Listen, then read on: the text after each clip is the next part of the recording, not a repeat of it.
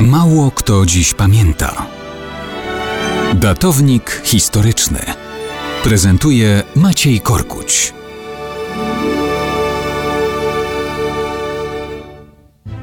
Mało kto dziś pamięta, że w nocy z 2 na 3 października 1944 roku podpisano akt kapitulacji Powstania Warszawskiego.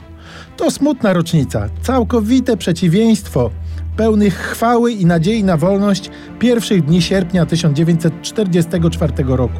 To różnica i dlatego 1 sierpnia świętujemy wybuch walk powstańczych. Natomiast nikt w Polsce nie świętuje klęski. To zaledwie rocznica, o której pamiętamy, tak jak pamiętamy o wszystkim, co zdusiło polski krzyk o prawo do wolnej i niepodległej ojczyzny. Powstanie warszawskie nie było bowiem walką o miasto. Kto tak myśli, niczego nie rozumie.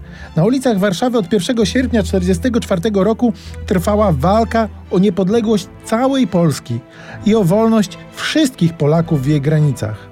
Paradoksem naszych dziejów i zapętleniem jest to, że walka zbrojna z totalitaryzmem niemieckim miała ugruntować nasze prawo do wolności zagrożonej przez totalitaryzm sowiecki.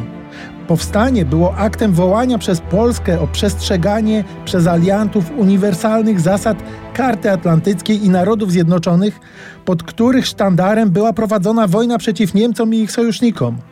Było krzykiem rozpaczy dumnego i zniewolonego narodu, który od 1939 roku walczył o wolność, a nie o życie pod bolszewickim jarzmem w świecie przemocy, terroru i zakłamania.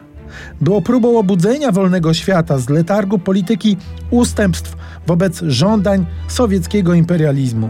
Dzisiaj wiemy, że analiza losów polskiego powstania była zasadniczym motywem, który przyczynił się do powstania tak zwanego długiego telegramu George'a Kennana. A to była podstawa zmiany wektorów polityki amerykańskiej administracji prezydenta Trumana. Początek doktryny powstrzymywania, a nie ustępstw wobec komunizmu. Walczyliśmy o taką zmianę myślenia w roku 1944. Naszą tragedią jest, że zmiana ta nastąpiła dopiero w 1947, kiedy Polska była już w całości zniewolona. Ale pamiętać o tym warto.